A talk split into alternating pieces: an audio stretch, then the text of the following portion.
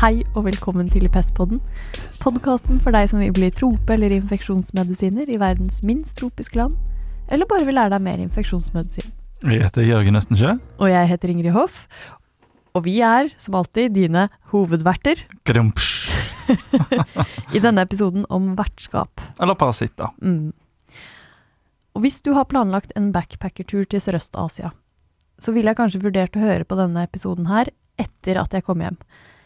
Jeg er i hvert fall veldig glad for at jeg dro til Thailand, spiste rå østers, badet i ferskvann, besøkte et sykehjem for løskatter og gikk barbeint på stranda før jeg visste noe bedre. Så mens du tenker på om du er rustet for denne parasittepisoden, så kan vi starte med noe mykt, med røtter i fiction. Nemlig TV-serien The Last of Us. Hvis det er ett tema vi har fått forespørsmåler om å lage en episode av, så er det nemlig akkurat dette. Kan et sånt scenario som i The Last of Us skje i virkeligheten? Og for øvrig, hvis du har forslag eller ønsker om temaer, så send gjerne en e-post. Adressen finner dere i episodebeskrivelsen. Jeg har ikke sett den TV-serien, Jørgen, eh, fordi jeg ikke trenger flere ting eller sykdommer å bli redd for.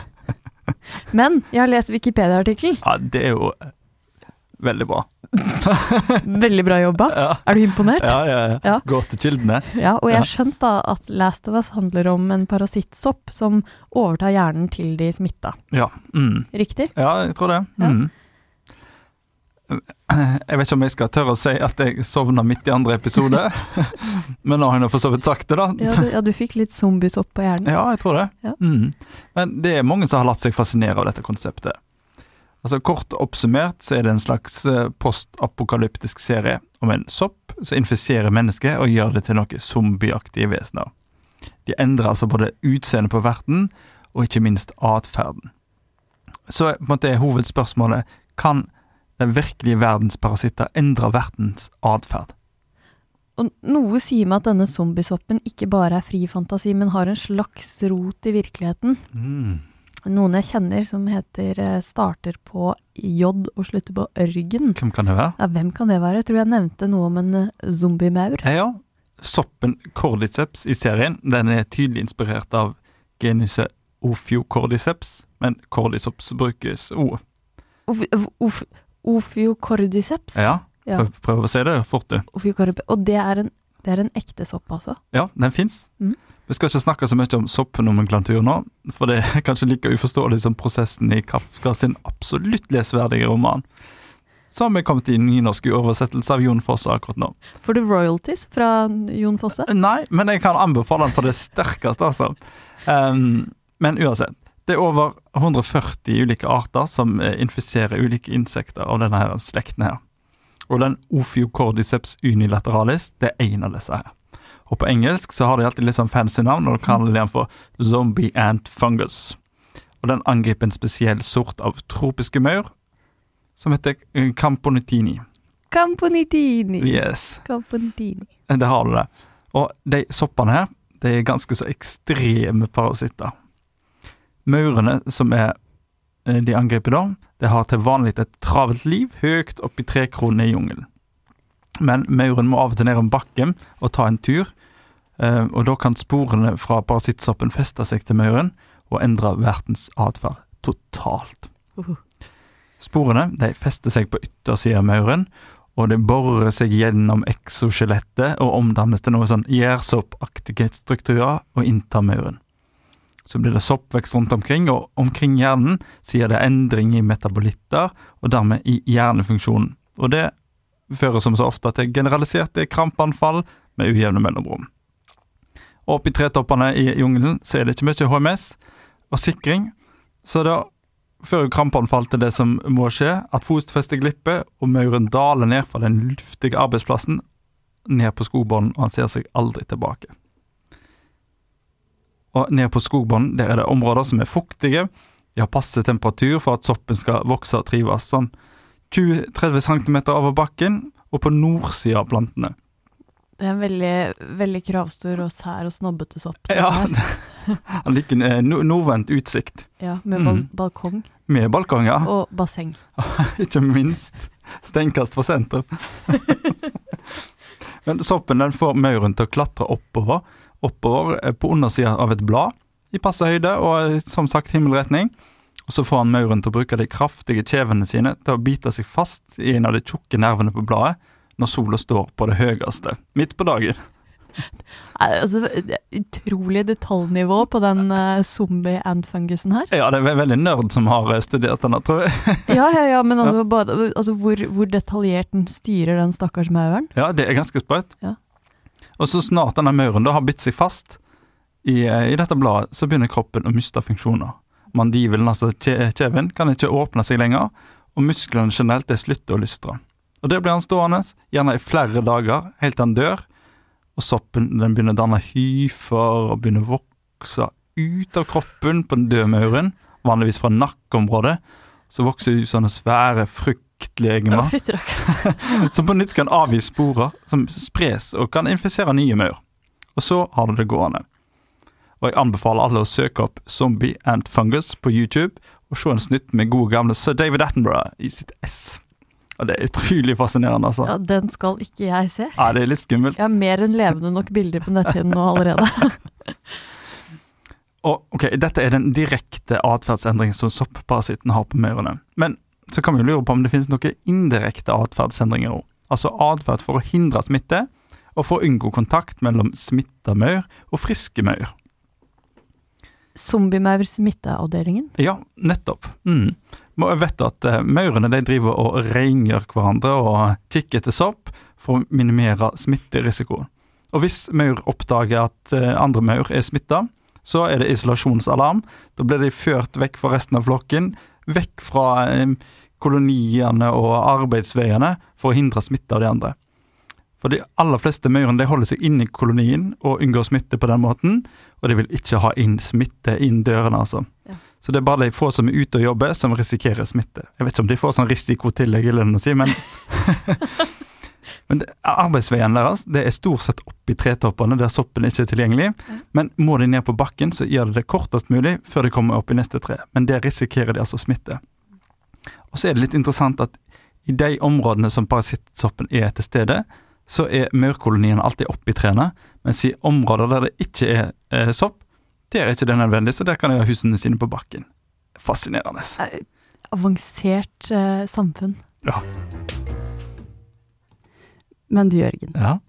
Denne maursoppen den lever jo parasittisk Den lever sitt parasittiske liv ganske kort. ja det er veldig effektivt og ferdig med det. Ja.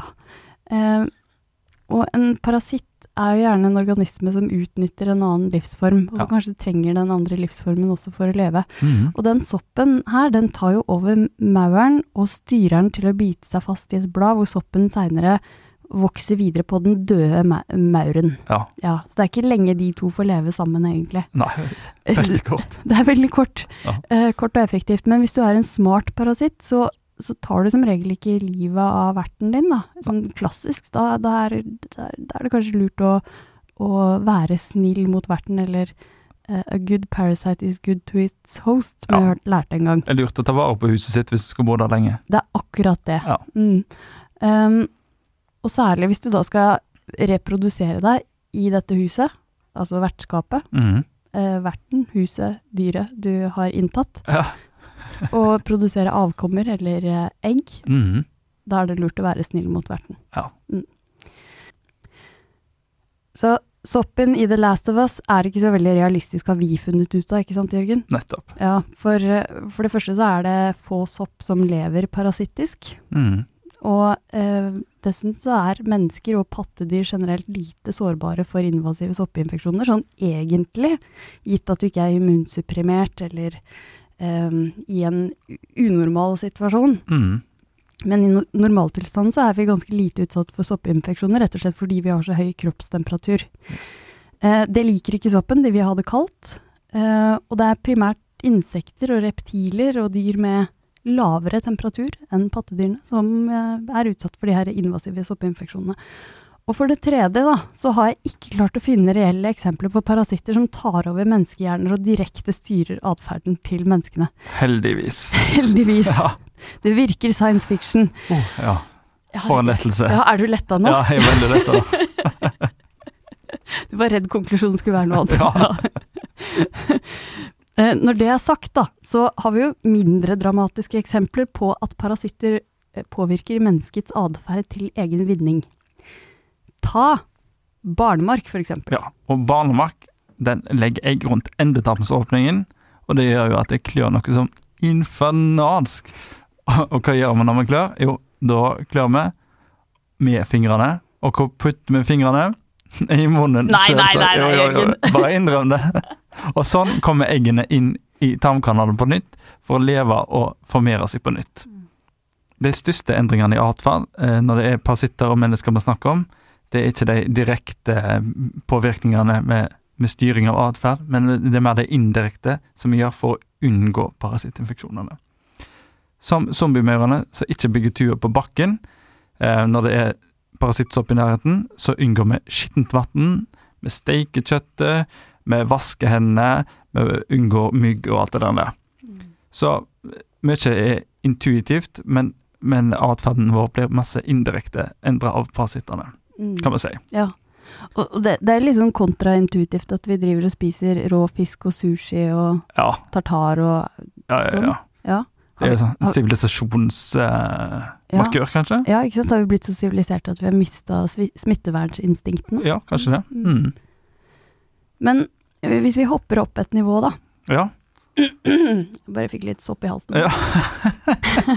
Fra, så jeg hopper, hopper opp et nivå. Opp Fra- et nivå. Insekt til rotte. Ja, det er et stort nivå.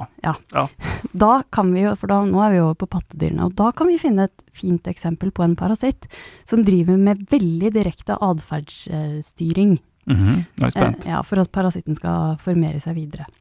Og den parasitten, den heter, hva tror du Jørgen? Jeg tror du snakker om toxoplasma gondii. Yes. Yes. Eh, og her kommer et viktig poeng. Nemlig, hvis du først skal få besøk av en parasitt, Ja, da er det en fordel å være hovedvert for den parasitten. ok. Mm. Og hva er de greiene her med hovedvert og mellomvert og intermediærvert?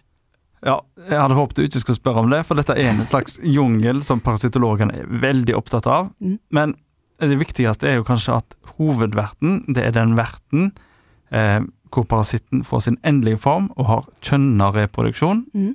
Og mellomverter, det er verter som er en del av eh, livssyklusen, eh, som parasitten må innom før han blir skikkelig voksen, og der foregår det ofte ukjønna reproduksjon, Ja, eller eh, endring av livsstadier. ja. Eller et modningsstadie Ja, mm. i mellomverten. Mm. Ja. Som en listlege på rotasjon. Litt sånn. Var det en ufin vits? Eh, nei. Nei. nei. Vi fortsetter med toksoplasma som eksempel. For her er det altså en fordel å være hovedvert. Toksoplasmaens hovedvert, altså der toksoplasmaen lever, bor, formerer seg seksuelt, det er i katten. Og katten selv har ikke særlig mye trøbbel med toksoplasmaen. Familien toksoplasma, Mhm. eller herr og fru toksoplasma, de lever i fred og fordragelighet eh, med katten, sin hovedvert. Men det er eggene til herr og fru toksoplasma som skilles ut i katteavføring. Det er de som skaper trøbbel for neste vert, nemlig mellomverten, som Mm. får de eggene i seg. Hvem er disse her mellomvertene som skal få i seg eggene? Hvem er det som skal få i seg de eggene? Jo, det er alt som katten spiser. Det er eh, rotter, fugler, eh, smågnagere. Og hvorfor det? Jo, for da kan altså disse toksoplasmaeggene inkubere i mellomverten, i muskulatur, i hjerte og i hjerne, til la oss si rotta. For så å vende tilbake igjen til sin hovedvert katten. Altså en fin måte å si å bli spist på? Mm. Ja. vende tilbake, bli spist. Og så kan toksoplasmaen da fortsette sin lykkelige livssyklus med seksuell reproduksjon inni katten. Happy family. Happy family. Ja. Mm. Og så har man da sett at rotter som er toksoplasmainfisert, Ja. de oppfører seg tilsynelatende normalt. Ok? Nesten. Nesten. For her kommer det. Til vanlig har rotter en aversjonsreaksjon eh, på lukta av katteurin. Ja, de liker det ikke i det hele tatt. Nei. Nei. Nei, som oss mennesker. Ja, gjør. Det det lukter er ikke, grusomt. ja, det er ikke godt. Men etter å ha blitt infisert med toksoplasma, da endrer rottene seg. Ok? Mm, Da blir de tiltrukket av rotteurin. ok. Det er jo ganske stor forskjell. Det er stor forskjell. Ja. I tillegg så blir de mer aktive og fryktløse enn sine uinfiserte brødre. Mhm. Og det å være aktiv, det skulle du kanskje tro var en fordel om du ikke vil bli spist. Men det er motsatt. Ja. Fordi en sløv rotte er ikke noe spennende for en katt å spise, eller fange. Nei. Nei. Og det betyr at toksoplasmaen får eh, rotta til å endre atferd etter kattens preferan preferanser. Mhm. Du får aktive rotter som er morsomme å fange for katten, Ja. og, og- og ganske tilgjengelig siden toksoplasmarottene begynner å sniffe seg etter katteurinlukta. Ja. Hmm, Der har du den igjen. der har du den igjen. Men men hva med menneskene, da, Ingrid? Mm. Er vi rotter, eller? Ja, er vi, er vi rotter? Ja, Er vi bare en mellomvert for toksoplasmaen? ja er vi det? Er det det som er meningen med livet? Ja. Jeg skal bli spist av en katt, det er meningen med livet. Ja, og, og kattene, våre husdyr, ligger egentlig bare og venter på at vi skal bli så kognitivt svekket av toksoplasmose at de kan spise oss. Ja. ja det er kanskje ikke sant? Nei, jeg håper ikke det. Nei. Men jeg syns du skal dra til legen din, Ingrid, hvis du eh, begynner å synes at kattepiss lukter godt. Ja, det skal jeg gjøre. Ja. Det, skal jeg gjøre. Det, er, det er en god ting å huske på, for jeg er jo litt redd for å bli spist av katten min, Jørgen. Ja, men du har jo kanskje ikke katt, så Jeg det har ikke katt, Nei, det var kanskje bra. heldigvis. Men for infeksjonsmedisiner og mikrobiologer da, så er vi jo litt obs på toksoplasma, siden vi vet at det å bli infisert i svangerskapet for mennesker er farlig. Ja, kan være farlig. Kan være farlig. Ja. Og derfor, folkens, er det lurt å ikke grave eh, med hendene i kattesand når man er gravid. Nei, det kan du delegere, da. Ja, delegere, eller kanskje generelt holde seg litt Ja. unna jord og katter. Bruk kattes eller sånn spade, ikke bruk hendene. Nei. Mm. Mm, og vaske hendene alt er godt. Ja. Har man observert det samme hos mennesker som hos rotter, altså at de endrer atferd ved å bli infisert av toksoplasma? Ja, for meg er jo tross alt eh, litt nærmere rottene enn eh, soppen og maurene. Det er det vi er, Ja. ja. Og det er noen som har lett etter dette her, øh, og de har funnet assosiasjoner mellom schizofreni og toksoplasma. Men eh, det er korrelasjonsstudier, ja. ja, så de sier ingenting om årsak og effekt. Nei. Det er mange ting som er- kan være korrel- korrelert. Ja, det er viktig å huske på. Det er veldig viktig å huske på. Ja. sånn at eh, vi har, det er ikke dokumentert noe lignende atferdsendring for mennesker som for rotter. Så Toksoplasma er et eksempel på en parasitt som endrer atferden til mellomverten, altså rottene og musene, av hensyn til parasitten sin egen reproduksjon. Men vi har flere parasitter som er relativt greie mot hovedverten sin, men endrer atferden til mellomverten. Nevrocystisarkose. Si det raskt, Jørgen. Ibsens ripspuppet går andre inn og styrker. Håpløst. Ja. Ja. Nei, men cystisarkose, Ja. Ja, eller tenia solium, Mhm. eh, er en parasitt der mennesket er hovedvert, Ja, ikke katten? ikke katten. Nei. Og tenia solium er fint og latinsk for svinetintens bendelmark. Oi, oi, oi. Det høres ut, jeg syns det høres ut som navnet på en barnebok. Ja, kanskje det. er, Ja, det er sånn Svinetintens Bendelorm på nye eventyr. Ja, det er forfatteren sjøl som leser. Eller kanskje det er Svine-Tintin, den kjente belgiske tegneserien? Ja. Ja. det er veldig rart og, og påfallende koselig. Ja, og og den, er, ko- den er jo koselig nok å ha også. For, ja. ja. Ja, for, for den, den bendelormen her, den lever ganske greit i tarmen, og den gir ikke så mye problemer for hovedverten, egentlig. Nei. Eh, som vi sa, a good parasite is good to its host. ja. Ja, I hvert fall good to its main host. Mm. Og sånn er det i det tilfellet her. Ja.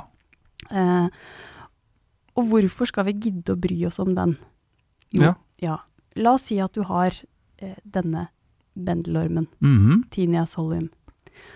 Den ligger der og koser seg fredelig i tarmen din. Ser ut som en eh, tråd med tagli tagliatelle. Nei, nei, nei. nei. Jo, det er sånn den ser ut. Ja, ja. Jo, men æsj. Ja, jo men æsj. Jo men æsj. Ja, helt sant. Ja. Men som alt liv på jorda, så vil den også forplante seg. Yes. Ja, spre seg. Så da sprer den en liten proglotid her. Ja, en sånn liten eh, livmor. Ja, men det er Livmorbit. faktisk det. Det er Ja. jo en gravid del av seg selv Ja. som den skiller ut i avføringen. Ja. Eh, eller noen embryonerte egg. ja, det er litt spesielt, men Det er spesielt, men det er også en måte å formere seg på. Ja. Og la oss si da at du går rundt med en tenia solium i magen, Mhm. som skiller ut egg og proglotider. Og der du bor, så bruker man menneskeavføring som gjødsel. Ja. Eller husdyrene gresser rett ved toalettet ditt. Mhm. Ingen skiller. Så er det en gris da, som spiser noen av de eggene eller proglatidene. ja. Og siden grisen ikke er hovedvert, men Den da er mellomvert. bare en mellomvert, Ja. så får ikke grisen noen tenia solium i magen. Nei, får ikke bendla om, rett og slett. Nei. Nei. Men disse eggene vandrer til kjøttet, altså muskulaturen, Ja. og til hjernen. Mhm. Og slår seg ned der i et slags modningsstadie som kalles for cysticerkar. ja. Og da, hvis noen spiser det grisekjøttet Ja. i dårlig stekt tilstand, så får dette nye mennesket som da ikke er infisert fra før, Mhm. da får det mennesket bendelmarken i magen. ja. Mm, mens grisen får cysticerker i hjernen og i muskulaturen. Så dette er livssyklusen. Dette er livssyklusen. Ja. Mhm. Og, og de s- s- cysticerkene de kan ligge der egentlig og modne i noen år, Mhm. et par-tre år, Ja. etter det jeg har klart å lese meg fram til. Så blir de kalsifisert etter hvert, men de, de ligger der og venter en stund på å bli spist, Mhm. sånn at de kan fullføre livssyklusen sin. Ganske tålmodige. De er ga- Ja. Optimister. optimister, ja, visst. Jeg vet det går bra til sist. Men Ingrid, når oppstår problemet for oss, da? Jo, det oppstår ikke når vi spiser grisekjøtt med cysticerker i, Nei? for da får vi jo bare, i gåseøynene, en teniasholum i, i magen. Ja, da får du bendla om. Men hvis vi spiser proglotidene eller eggene Ja, fra denne bendelormen, hvis vi spiser bæsj. hvis vi spiser bæsj, Eller grønnsaker som har fått avføring på seg. ja. Mm. eller hvis vi selv har en bendelorm i magen Ja. og klarer å smitte oss selv med våre egne egg fra Ja. vår egen bendelmark, Mhm. da kan også vi få cystiserker i muskulatur og hjerne. Så da blir vi på en måte en mellomvert da, istedenfor hovedvert Vi blir både hovedvert og mellomvert. på en gang. Vi gjør oss selv til grisen. på en Ja. måte. Ja. På en gang. Og, og eh, cysti, cystiserkose, eller nevrocystiserkose, Mhm. er den vanligste årsaken til epilepsi i utviklingsland. Ja. Fordi du får de der små cystene i hjernen som, som kalsifiserer på sikt. Men, men det er klart at når du har arrvev i hjernen, så disponerer jo det for epilepsi. Nettopp. Ja, og Ja. det var ganske seint at man fant ut av det. Mhm. Det var ikke før på, på slutten av 70-tallet hvor man fikk CT-maskiner i, eh, i India f.eks. Ja. Så så man at veldig mange av de som hadde epilepsi, hadde sånne kalsifiserte syster. Og så forsto man koblingen at det hadde med nevrocystiserkose å gjøre. Som eksempel på dette med at du egentlig ikke trenger grisen for å få cystiserkose, så har vi et utbrudd blant ortodokse jøder i New York, eh, hvor veldig mange der plutselig fikk nevrocystiserkose. Ja.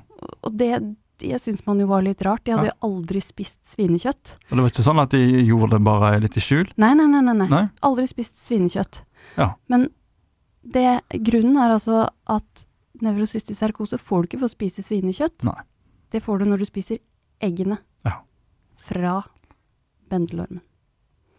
Så her var det altså fekaloral smitte fra gjestearbeidere som selv var infisert med bendelormen, og så spredte de eggene i avføring. Mhm.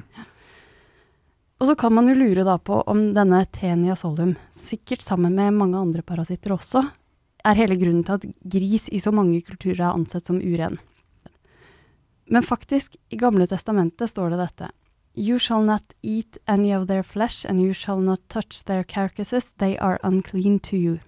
Jeg vet ikke om du vet det, Ingrid, men Bibelen finnes altså på norsk ord. Å? Ja. Altså, I tredje Mosebok, kapittel 11, så nevnes grisen da i samme åndedrag som kamelen, fjellgrevlingen og haren blant alle drøvtyggere og klovdyr. Fjellgrevling, jeg Ja, visste ja. ikke at det var et dyr engang, men ja. Det er tydeligvis det. Ja. Og grisen, for den har klover og klover som er kløyvd helt igjennom, men tygger ikke drøv. Den er urein for dere. Kjøttet av disse dyrene må dere ikke spise, og de døde kroppene må dere ikke røre, de er urene for dere. Men finnes det noe kapittel i Bibelen om eh, håndvask og fekaloral smitte, Jørgen? Ja, kanskje ikke så helt sånn eh, direkte, men det er jo ingen tvil om at det burde vært en eh, infeksjonsmedisiner med i alle samfunn til alle tider, da. Ja, alle tidsepoker trenger en infeksjonsmedisin. Nettopp. Ja. Ingrid, jeg er sikker på at du har eh, andre parasitter som er gode på dette med, med overlevelse og få arten videre og alt dette her. Massevis. Ja. Og nå skal vi snakke litt om filariosene. Yes. Nærmere bestemt Loa Loa, Onkoserka og Vucheria bancrofti. Ja. ja. Rare navn. Veldig rare navn på Ja. rare parasitter. Det var rare navn på rare par- parasitter. Og nå passer det godt å fortelle en av yndlingsvitsene mine, Ok. som jeg har funnet på selv. Ja. Er jeg spent? Ja. Mm. Hva sa den ene filariaen til den andre, Jørgen? Eh, Hallo, hallo! Altså, hallo, hallo? Ja, hallo, ja, men du sier, du, du sier det jo veldig østlandsk, da. Ja, men du kan ikke si 'halloen, halloen'. Nei, Eller det, 'hallo, hallo'. nei, det blir helt feil. Ja, det blir feil. Ja, Du det- må sies på østlandsk. det er derfor du har kommet på den, vet du. Hallo, hallo. Men disse filariaene, Ja. det er altså mikroormer Mhm. eh, som ikke bor i magen, men de bor i vevet. Og her kan vi trøste den engstelige reisende med at faren for å få dette her for turister er ekstremt lav. Du trøster deg sjøl nå? ja, ja, det kan du si. Ja. Ikke reiseplaner heller, men Nei. likevel. Fordi det er ved langvarig opphold i, eh, holdt på å si, i jungelen i endemiske områder av verden at man kan få det. det, Ja. det men stort sett så må man type bo der i måneder til år. Mhm. Eh, og den gruppa her av parasitter, den smitter ikke fekalt oralt, Nei. men via insektstikk. Og siden de mikroormene her bor i vevet, så gir de også symptomer derfra. Og typisk da er det som kalles for caliber swelling, swellings. Ja. Ja, t- eh, rett og slett sånne klumper i huden. Kløende kuler som kommer fra voksne ormer som går i subkutant vev. Ja. Og Det er særlig typisk for loa loa. Mhm. Um, og så har vi elefantiasis. ja, og det er jo Evicaria bancrofti. Det er jo Sheria bancroftia. Ja. Og, og, og d- da får man også lymfødem. Veldig sånne hovne bein, fordi at eh, vevs, disse vevsmarkene ødelegger lymfedrenasjen. Ja. Eh, og så har vi blindhet og hudforandringer ved onkoserkiasis. Onkoserkiasis kalles også for river blindness. Eller elveblindhet. Eller elveblindhet. Ja. Ja. um, og det her er jo det vi kaller for neglisjerte tropiske sykdommer, og derfor er det de færreste som har hørt noe om dem. Men onkoserka, river blindness, da, det er det sånn ca. 15 millioner mennesker som lider av. Ja. Estimert i hvert fall, Mhm. som jeg har funnet på WHO sine sider. Og det er en vanlig årsak til, bl- til blindhet, da. Ingrid, du snakket om noe kuler eh, og swellings. Hva er dette for noe? Eh, nei, det er jo rett og slett de voksne markene, eller egentlig den voksne hundmarken, Ja. som ligger i, i, i vev og ruger. Og, og så kommer hannmarkene på besøk rundt for å besøke damene. Jeg vet hva som skjer da. Det blir reproduksjon, da. Ja, det. Ja, og og jeg syns jo det er litt sympatisk at damene slipper å flytte så mye på seg, men, men bortsett fra det så er det ikke så veldig mye sympatisk med de filariosene her. Nei. Eh, fordi Men arten skal spres, vet du. arten skal spres. Ja, Sånn er det bare. Ja, ja, men hvordan sprer du det, da? Hvis du er en bitte liten mikroorm som ikke skiller ut egg i avføringen, eller forvent, kan forvente at et rovdyr spiser det vevet du bor i. Ja. Hva gjør du da? Jo, du tar kanskje en tur ut i blodbanen. Det er akkurat det de gjør. Ja. Men det er slitsomt vet du, Jørgen, å ta en tur i blodbanen. Ja, veldig slitsomt. Det er jo så masse blod der. Og man må jo spare energi. Ja. Og dermed så dukker disse ormene ut i blodbanen på tidspunkt av døgnet hvor vektoren deres, altså myggen, flua, kleggen, insektet, Ja. også er ute på vift. Lurt. Mm. Og på en del tropiske sykehus har de f.eks. egne vaktrunder for å ta blodprøver av disse pasientene med mistenkt filariose. Mhm. for å, nettopp for å plukke opp eh, filariene når de er på vandring i blodbanen. Ja. For eksempel da, for Loa Loa så må du ta blodprøve mellom klokka ti om morgenen og klokka to på formiddagen. Eh, og for Vucheria så må du ta prøver om natta. Ja.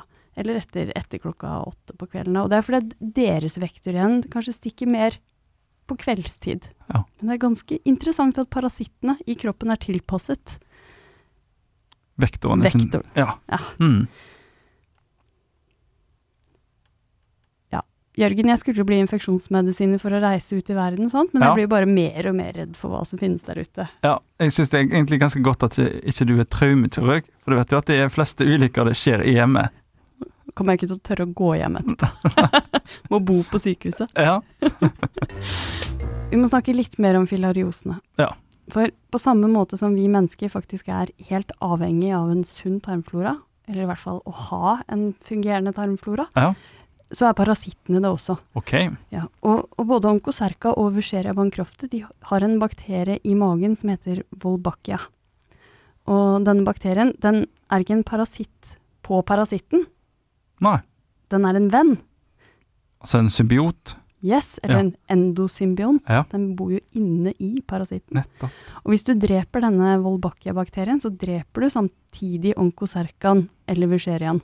Ja. Eh, og det kan vi utnytte ved å bruke doxylin i fire til seks uker. Da dreper du både Wolbachiaen, altså bakterien i magen på parasitten, Mhm. og så dreper du parasitten Indirekte. indirekte. Ja. Mm.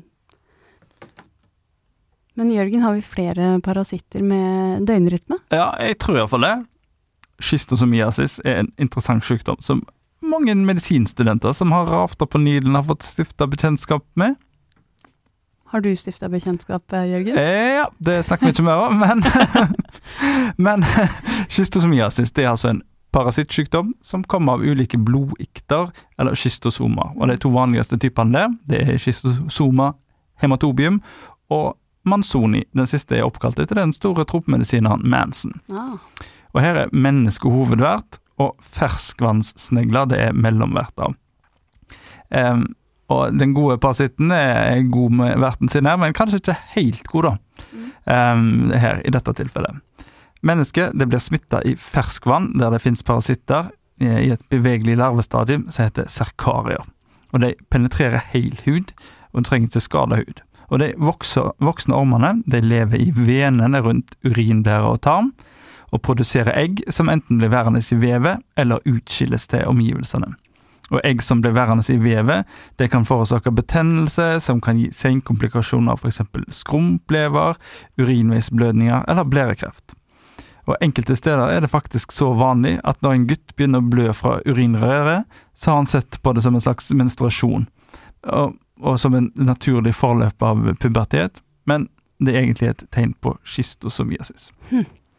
Men vi snakker jo om døgnrytme her, for schystosoma hematobium den er ganske genial, som slår seg ned i venepleksus til blæra. Det betyr at du kan tisse ut masse schystosoma-egg eh, når det passer seg sånn.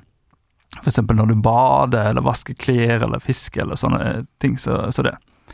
Og hva tid tror du at utskillingen av egg er størst, Ingrid? Ja, det må jo være når eh, sneglen ehm, eh, er på jobb, da. Ja, når sneglen er på jobb, eller når mennesket er nede med sjøen. Eller når menneskene er ved sjøen. Ja. Eller helst en kombinasjon, Helst kanskje. en kombinasjon, ja.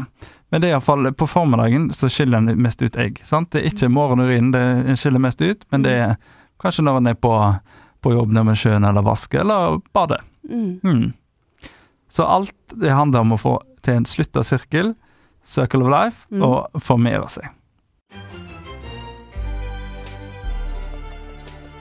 Parasitter er jo ofte organismer av en helt annen størrelse enn bakterier. Hmm. ikke Sant? Og mange av dem har vært kjent i tusenvis av år, lenge før mikroskop og Koch og Pasteur og germ theory på slutten av 1800-tallet kom. Ja, ja. Så, så eh, makromark, som var et ord jeg fant på akkurat nå, ja. rett og slett en stor mark. Du ser eh, liksom eh, bendelam som kommer ut av rumpa. Nei, det er umulig å overse. Ja. Og, og nå skal du høre en alternativ teori til eh, hvorfor symbolet for legekunsten nettopp er en stav med en slange rundt. OK. Asklepeios-stav. Ja. Eh, Si det du, hvordan uttaler Jeg man det? sier Asklepios-stav, eller du kan si Eskulapsstav. Eller Esculaps-stav. Ja. Mm. Det er rart, fordi slangen i alle kulturer i verden som jeg har hørt om, Ja. så er jo slangen giftig og farlig. Og, og der kommer vi, liksom, legestanden.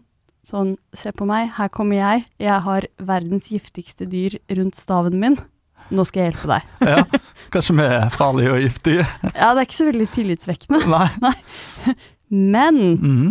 en av de lengst kjente parasittsykdommene vi har, Ja. heter dracunculiasis. Ja. Også nevnt, eh, kjent som guinea worm. Mhm. Og det her er en orm som ligger under huden, Ja. gjerne i beinet. Altså underekstremitetene. Ja. Og der behandlingen er å ta tak i den ene enden av ormen, og så rulle den sakte ut av huden Ja. på en pinne. ja. Hva tror du Asklepeios stav egentlig er? Nei, jeg tror du er på konspirasjonsterrenet nå. Ja, men det er en litt interessant konspirasjonsteori, Ja, ikke det sant? var ganske gøy. Ja. Ja, ja. Ja, det er det. Kudos for den. Har ikke funnet den på selv. Nei. Ligger i referanselista. Ja. Men uh, guinea worm, eller dracunculiasis, er jo da dessverre, eller heldigvis, i ferd med å bli utrydda. Ja. Så det var bare 22 tilfeller i eh, år 2022. Vi er ganske få. Det er ganske få. Og det er så få at det til og med finnes en egen nettside som heter Save the Guinea Worm Foundation, som jobber for, eller mot, Ja. utryddelsen av Ja. the guinea worm. Vi kan ikke utrydde arter. Nei, det er jo en art, tross alt, da. Ja. Mm. Så dem om det. Men for å ta det litt tilbake igjen til det, det vi starta med. Ja. Ja, for hele denne episoden starta jo med en parasittisk sopp, og, og det trenger vi jo neppe å frykte med det første, gjør vel det? Gjør vi? Heldigvis. Det trenger vi ikke være så redd for. Nei. Men når det er sagt, da, så har vi jo fått en candida-art, altså en soppart, de siste årene som har vakt bekymring fordi den er så resistent, som heter candida auris. Ja. Men som for bakterier så er det altså resistensen som er bekymringen, Mm. og ikke at mikrobene skal ta over hjernen vår. Mm, Nei. nettopp.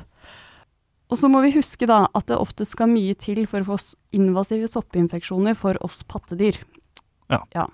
Og faktisk så er det en av teoriene bak hvorfor dinosaurene døde ut og pattedyrene overtok verden for 66 millioner år siden. Ok? Sopp. Ja. Ehm, for etter meteornedslaget på Yucatan-halvøya, så ble jordkloden 11 grader kaldere. Fotosyntesen ble delvis skrudd av, Hvem har skrudd av lyset? sant? Ja. Og, og det det var i det hele tatt mørkt og fuktig, og hva skjer da? Da blomstrer soppen. Yes. Ja. Og hvis du er et reptil, da har du et kjempeproblem når kroppstemperaturen din også er perfekt veksttemperatur for sopp. Ja. Eh, og lav kroppstemperatur, som reptiler har, gir deg ikke en overlevelsesgevinst i en postapokalyptisk verden full av sopp. Nei. Lenge leve pattedyrene da, i den situasjonen. Ehm, så 37 grader er ikke optimalt for sopp flest, eller den vanlige soppen i gata, Ja. om du vil. Ja. Ja, det fins jo sopp som trives der også, for Det gjør all det, del. Ja, ja, ja. ja. Men, men eh, den vanlige soppen. Så konklusjonen vår er eh, globalt utbrudd av zombiesopp som angriper mennesker, er urealistisk. Ja. Men hvis du er en slange, da har du et problem med sopp. Eller hvis du er en flaggermus som hibernerer og senker kroppstemperaturen til 10 grader i flaggermushula di, da har du også problemer med sopp. Og med dette, kjære venner, så sier vi farvel for denne gangen. Vi håper at ingen er redd for zombiesopp lenger. Men i en senere episode så skal vi snakke mer om bl.a. slanger, flaggermus, sopp og immunforsvaret. Så her er det bare å glede seg. Yes. Vi håper at tåkeheimen har letta. Og at eh, kunnskapshullene er blitt tetta. Jeg er Ingrid Hoff, Og jeg er Jørgen Østensjø. og du har lyttet til en episode av Pestpodden, en podkast fra Helse Bergen.